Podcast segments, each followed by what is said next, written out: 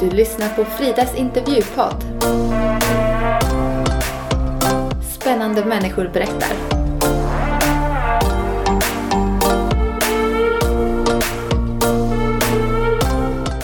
Denna vackra kvinna som ni ska få lyssna till nu föddes tidigare än planerat i Amazonas i Peru.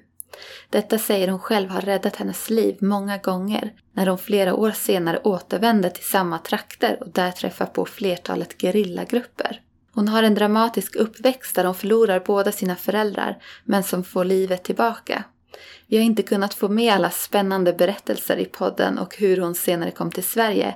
Men här får ni nu följa med in till Amazonas djungel.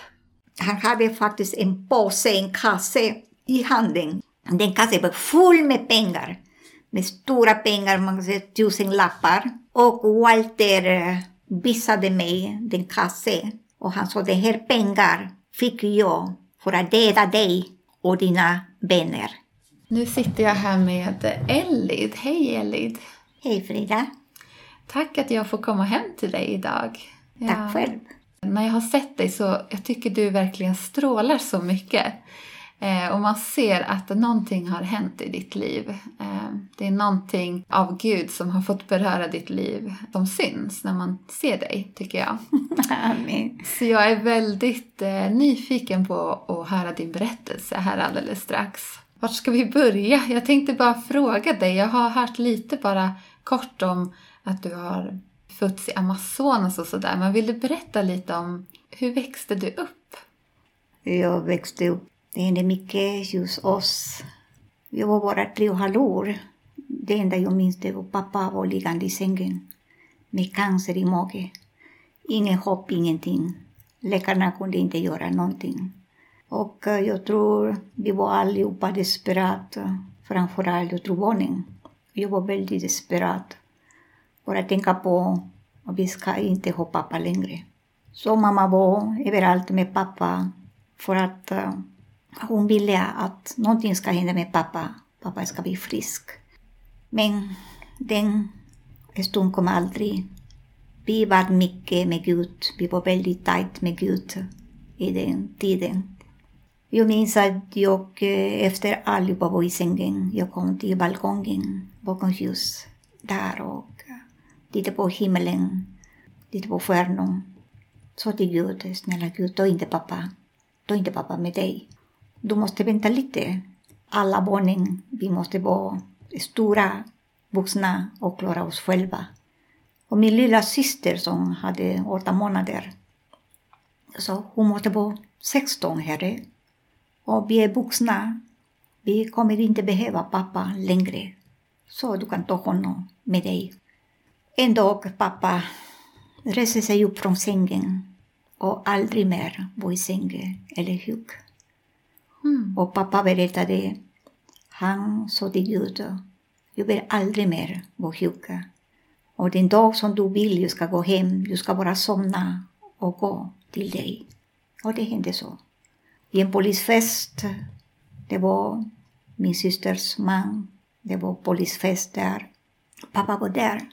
Och de var sittande och där de skulle äta. Och plötsligt pappa bara somnade på tallriksmat. Pappa var borta. Så din pappa, eh, dog han långt senare då? Ja, Ja. efter 16 år efteråt. Ja, så han, han blev frisk? Pappa var frisk, 100 procent. Mm. Var aldrig sjuk. Och Så- gick hem precis som han önskade sig. Mm. Bara somna och gå. Så Gud svarade på era böner och, Precis. och han blev frisk? Det var så. Mm. Det var så. Pappa var fullständigt frisk. Mm. Så du växte upp att du i din familj så kände du Jesus? Ja, Mm. ja. Pappa och mamma de var personer som hjälpte människor. De var väldigt kändisar i den plats som de var och hjälpte mycket människor. Mm. Eh, var det i... I Amazonas. I Amazonas. Amazonas i Peru. Mm. Det var. Så det var där du föddes också? Ja, Ja. det föddes jag. jag um, en dag så fallit jag från mammas mage. Det var tidigt. Det var inte dags att komma ut. Men jag kom det i gården, där när mamma var gående, så kom jag. Så du var i din mammas mage Ja. och ville komma ut lite för tidigt? Ja, jag tror också att det hände på Guds plan. Eftersom när jag kom tillbaka som missionär när jag var 19 år gammal. Det här händelsen som räddade mitt liv, som jag skulle ha dödats om Mm. den gerillagrupperna. Så Mm. jag såg, jag föddes där, jag är därifrån, mina föräldrar var därifrån, så jag. Jag nämnde vem var mina föräldrar. De kände igen dem, därför att de dödade inte mig. Det händelser som hände, jag föddes där i Amazonas, det Mm. räddade mitt liv. Vad hände sen då, när du efter fyra år och sen blev du lite äldre? Vad hände sen i ditt liv? Sen jag, um, eftersom det fanns ingen skola där som mina föräldrar var, så vi var skilda från våra föräldrar och för att gå och studera. Så var först i en plats, och sen jag var i huvudstaden, i Lima i Peru. Mm. Eftersom jag var skild av mina föräldrar, jag vet inte hur det var med mina syskon. För mig det var väldigt tufft. Det var en plåga. För att eftersom jag var inte med mina föräldrar, jag saknade dem mycket. Hur många år var du skild från dina föräldrar? Jag kunde se igen dem när jag var 17 år gammal. Oj. Och sen, ja, men jag bodde i huvudstad. Jag var, tappade all kontakt med kristna folk. Jag har gråtit varje kväll och eh, jag önskade att vara hos mina föräldrar. Och nej, det var bara tårar. Jag var väldigt ledsen hela tiden. Men all den där den som jag saknade mina föräldrar, det har blivit eh, så småningom en hot. Jag bara hatar mina föräldrar. Mm. Och sen jag bara hatar Gud. För att eh, hur kunde de inte vara med oss? De kunde hjälpa massor främmande, inte oss. Sen det var, eh, det var en tid som, som var också, vi var mobbade i skolan, och vi var kristna. Och, och det, sen det var mina vänner också, de började mobba, som de skrattade åt. Med tiden jag började göra det också. Så tappade jag min tro. Och allt som jag såg när jag var barn, hos mina föräldrar och hos andra människor också genom mina föräldrar, det försvann från min sinne. Och min hjärta förklarade var full med hat mot mina föräldrar och Gud. Och sen, det var 13 år gammal, så jag hamnade i cancer i skeletten. Det var inte så lätt. Ingen medicin gjorde absolut ingenting. Ingen verk kunde stoppas längre. Nej, det var många pastorerna, de kom att be från olika församlingar. Det hände ingenting. Absolut ingenting. Så då bodde du på skolan fortfarande? Till sist jag var bara hemma. Jag var inte, eftersom jag orkade inte längre. Nej. Jag var bara liggande i sängen. Mm. Dagarna och nätterna, det var så långa. Kroppen bara brinner som en ugn som man brinner sig i ugnen. Det var brinnande verk dag och natt. Jag kunde inte äta längre, inte dricka. Mm. Eftersom medicin gjorde inte, hjälpte inte längre. Jag bestämde mig inte ta det längre. Hade min mage jättesvullen med massor medicin. Och hade mina rumpor, det var svart med massor sprutor medicin. Och hade mina armar överallt så svart med massor medicin. Det, det sprutade Mm. som hjälpte inte. Mitt rum var full med medicin. Full, full, full som apotek. Mm, Jag bestämde mig och sa nej, jag ska inte dricka mer där. Nej, för det hjälper inte, jag ville bort det. Men Gud lyssnade inte på mig. Jag ropade, så i den tid jag kom tillbaka till Gud faktiskt. Jag kom tillbaka till Gud igen och ropade till Gud. Mm. Hur länge var du sängliggandes? I hur många år? Från 13 år gammal till, till 17 år. Till 17 år? Mm. Ja. Och sen ropade du på Gud? Ja, och eh, sen eftersom det var inte lätt för mig, jag dog inte heller. Jag bad Gud att befria mig, sätta mig fri. Nej. Så jag bestämde, bestämde mig att ta rått gift. Så för att det, att dricka det och det. Men sen jag hade en dålig samvete. Jag sa, oj stackars mamma. Hon var en underbar kvinna, en bra mamma. Och hon var där och tog hand mig faktiskt, den tid. Ja, hon kom dit. Ja, Mm. jag berättade till henne det. Vad tänker jag göra? Så mamma sa, nej, du får inte göra det. För ditt, du kan inte ta ditt liv. För ditt liv tillhör Gud. Det är han. Bara han kan göra det, inte du. Ropa till Gud, han kan befria dig, sätta dig fri, bota dig. Jag sa, det gjorde jag. Men han gör inte det. Och mamma sa, kom tillbaka till Gud. Den ord, kom tillbaka till Gud. Det ord jag har aldrig hört. Det första gången i mitt liv som jag hörde att komma tillbaka till Gud. Den ord som bankade dag och natt, kom tillbaka till Gud. Jag visste inte hur ska jag göra för att komma tillbaka till Gud. Ingen som lärde mig där.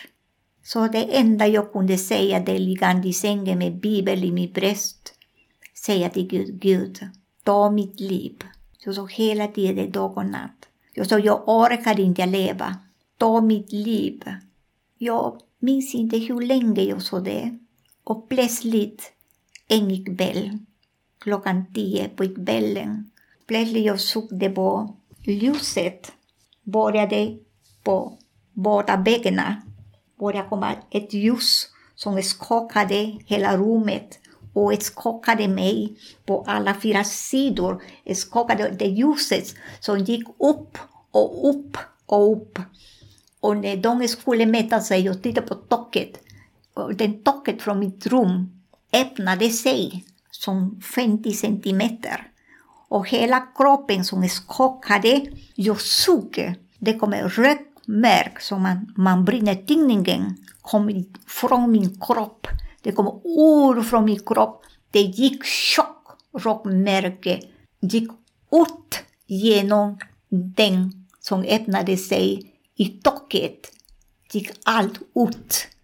Och det gick allt ut, jag var fortfarande skakande. Och dessa två ljus, som det här jag vet nu, det är heligande, de kom, träffade, mättade varandra och sen snabbt gick ner igen. Och eh, det där hände så, Herre Jesus var plötsligt det är framför mig. Framför mig, det var Herre Jesus och han bara pratade med mig. Så jag såg honom från jag var liten, från jag var två år gammal. Samma Herre Jesus med sin vita dräkt som Lucia, med sin sandaler som är brun, med en, en som, som man knyter i midjan, precis som Lucia kläder.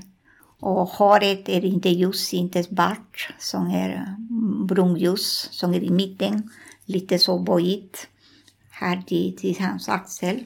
Och eh, han bara pratade med mig. Och han, han så väldigt bestämt pekade i min ansikte.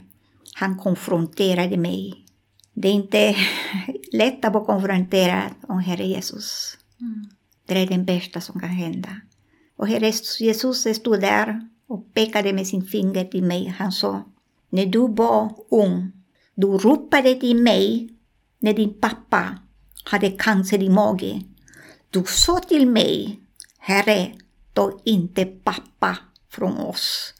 För du och jag, vi gjorde en överenskommelse. Jag gjorde mitt, inte du.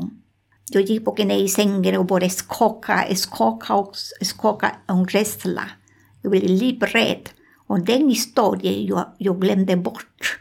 Det som hände med pappa. Det var Herre Jesus som gjorde att jag kom tillbaka, jag kom ihåg allt det där. Mm. Det var sanningen. Men han sa, jag gjorde mitt och inte du. Jag sa, Herre, vad är det som jag, jag inte gjorde? Vad är det som jag lovade jag inte gjorde? Skakade, skakade och kände mig skyldig. Det enda jag tänkte, jag sa till Herre, Herre, jag är inte, inte värd det, du ska förlåta. Sätt din, din fot i min huvud och, och massakrera mig, mosa mig, döda mig, Fader, döda mig. Jag är inte värd det för att leva. Så jag skakade och gråtit. Men jag ville komma ihåg vad det som jag lovade, Herre, dessa två gångerna. Och jag inte gjort. Och så Herre satt sig vid min säng och tog in mig med sin vänstra arm lyfte mig upp så jag var på ansikte i sängen på knä och gråtande, eh, skakande. Han lyfte mig, tog mig till sin bröst och kramade mig och med, med, med en högre hand som klappade huvudet och han sa glöm bort, glöm bort allt gammalt. gammal. Och nu vi gör en överenskommelse, du och jag. Jag ger dig tillbaka livet nu och du ska gå till hela världen och berätta vad gjorde jag för din skull? Folket från olika språket ska höra. Jag, jag bara sammanfattar lite för lyssnarna. Så du såg plötsligt sen när du ville ta ditt liv, du hade cancer i skelettet och så ser du hur taket öppnar sig. En svart rök kommer Sjukdom. inifrån dig, sjukdomen, cancern Mm, åkte cancer. ut från din kropp Ja. och upp till himlen. Mm. Och sen så kom Genom den helige Ande, helige ande som ett ljus. som gjorde sin verk. Och Jesus helade dig och sen så mötte du honom. Och han kom till dig, tillrättavisade dig, men också förlät dig. Och du kom tillbaks till honom. Ja. Mm. Eftersom han kallade mig redan till hela världen. Min första missionsarbete var kallat till Amazonas. Tillbaka den plats som jag föddes. Från dess började min tjänst tills nu. Jag eh, var i Amazonas under ett år i elva städer. Gud gjorde mycket under, mycket, mycket. Man kan berätta plats efter plats. Gud eh, inte bara frälste människor, Gud befriade människor från drog, från cancer, från olika sjukdomar. Gud eh, reste upp människor som var förlamade som, som, som jag var också. Blinda, folk som hade, hade korta benet. Jag såg eh, många saker som Gud gjorde. För Gud det finns absolut ingenting omöjligt. Jag sa wow, för när jag var där, det var inte lätt. Det var, det är som man säger, inbördeskriget. Mm. Och NATO då, det var bam, bam, bam, bam, bam, bam, bam, bam, bam, bam, bam, bam. Och på, på nätterna, man kan inte sova i sängen. Många folk som där, det kunde kulor på. Mm. Och vi sov under sängen, på golvet. Oj. Ja, det var en sak var att se på, på TV. Ja, Den andra saken vara där. bara där. Ja. Där, det var den bästa. Mm. Och eh, Vad kände du mitt i allt det här? Gud har kallat dig och så hamnar du där. Vad kände du då? bara lita på Gud. Ja. 100 procent var väldigt tajt om honom. Han gjorde det som han ville jag skulle göra. Och jag vet, jag vet, han lovade ingenting som ska fattas mig och ingen ska röra en enda hår. Också gerillagrupperna som den största gruppen som blir frälst. Du, du nämnde något annat om gerillagrupper som tänkte ta ditt liv förut. Jag var det sista plats som innan jag kom tillbaka hem. Vi var den församling som tog emot mig, den pitsförsamling. Vi var 80 personer, ungdomar och vi var fyra vuxna. Sen det var lördag på morgonen. Eh, jag predikade, folk blev frälsta. Det var mitt i dagen och vi skulle komma till missionshus. Eh, Och plötsligt det kom en kvinna som såg ut väldigt blek, väldigt rädd.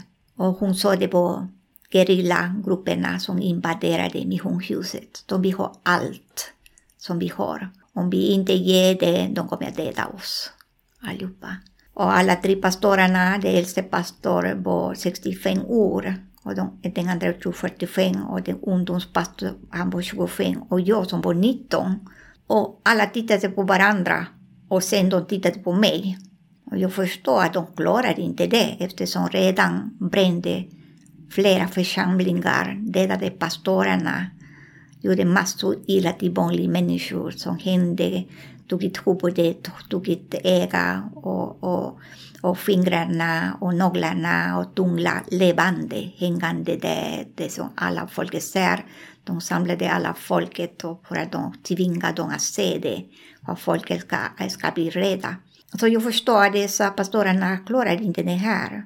Jag sa till dem, jag tar handen här. Jag hade en bibel i min hand och en tamboril. Så vi gick till eh, missionshus. När vi kom in, alla dessa tre pastorerna gömde sig. Och det var kvinnor som lagade mat där. bara jag som kom fram. Det var en stor matsal där. Jag bara tittade på den vänstra sidan. Jag frågade systrar. Hallå, hallå systrar. Är det maten klar? Och de sa nej, inte än, det fattas lite. Jag sa okej. Okay. Eh, sen jag tittade rakt framåt, det var dessa gerillagrupperna, dessa tre personer som var cheferna.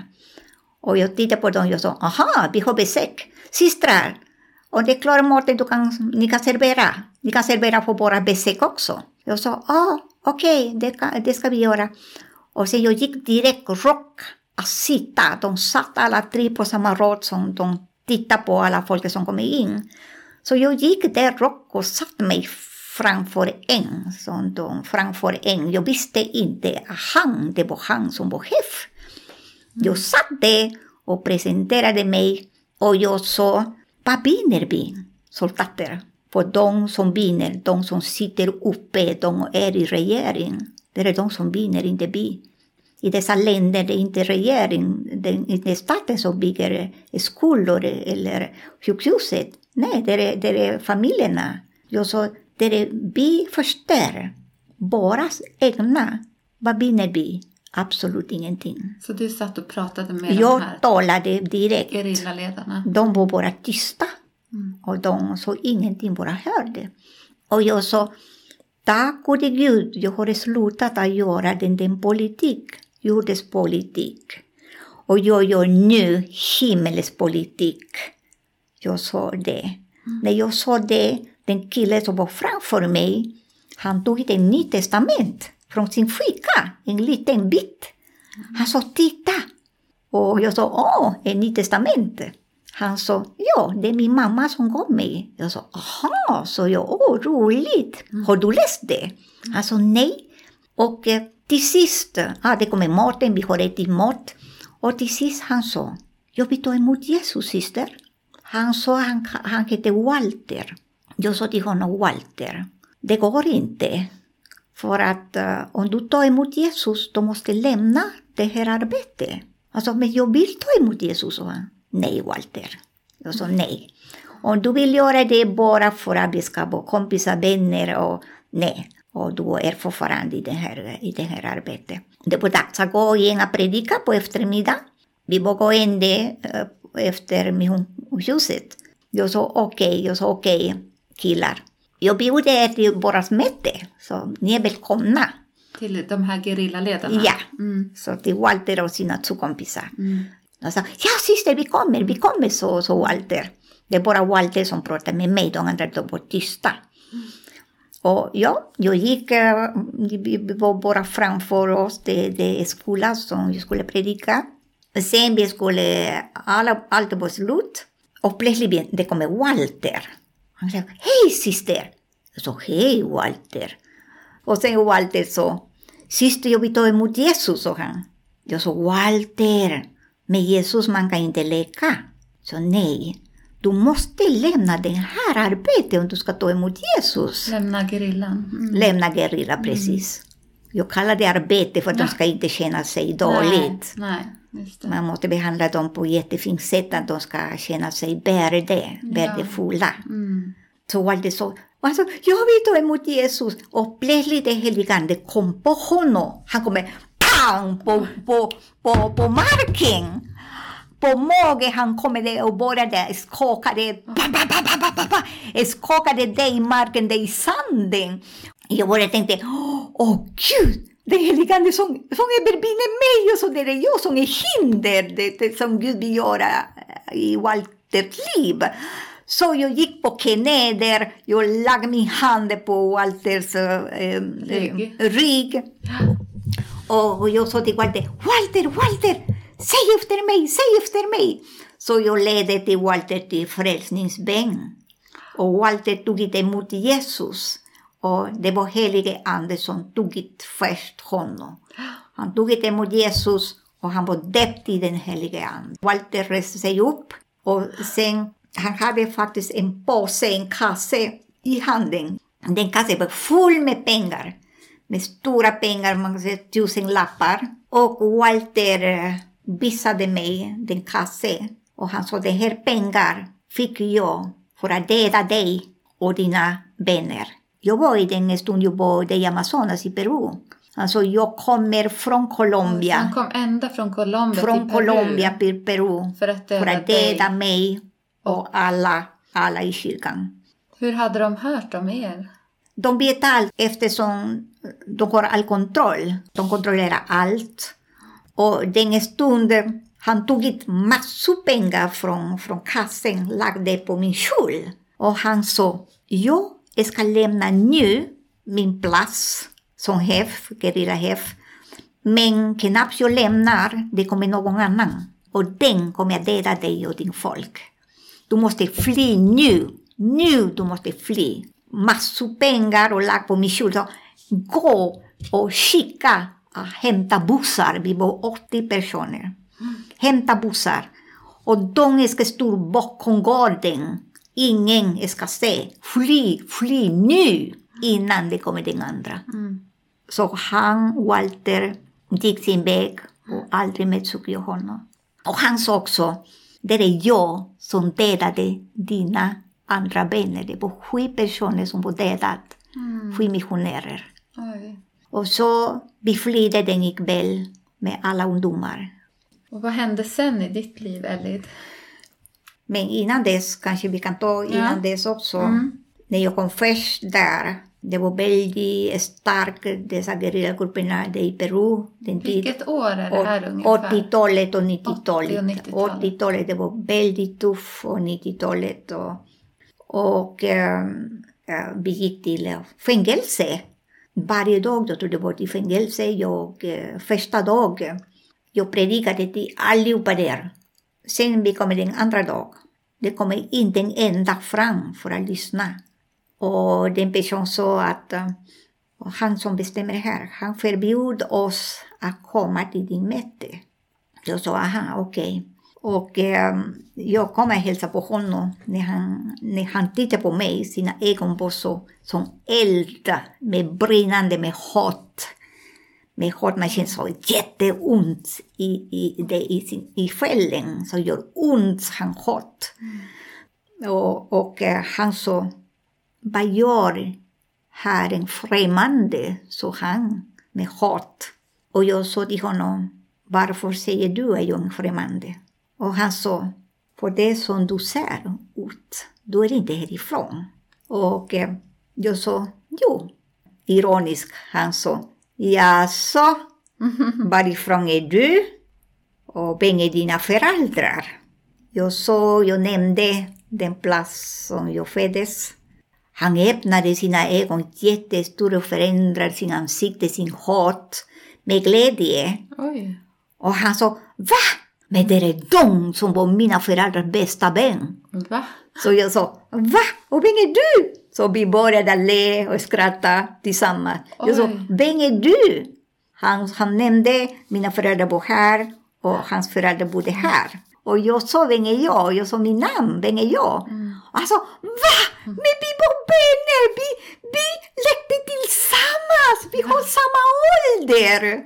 Vi lekte tillsammans. Jag sa, va? Och vi började skratta tillsammans.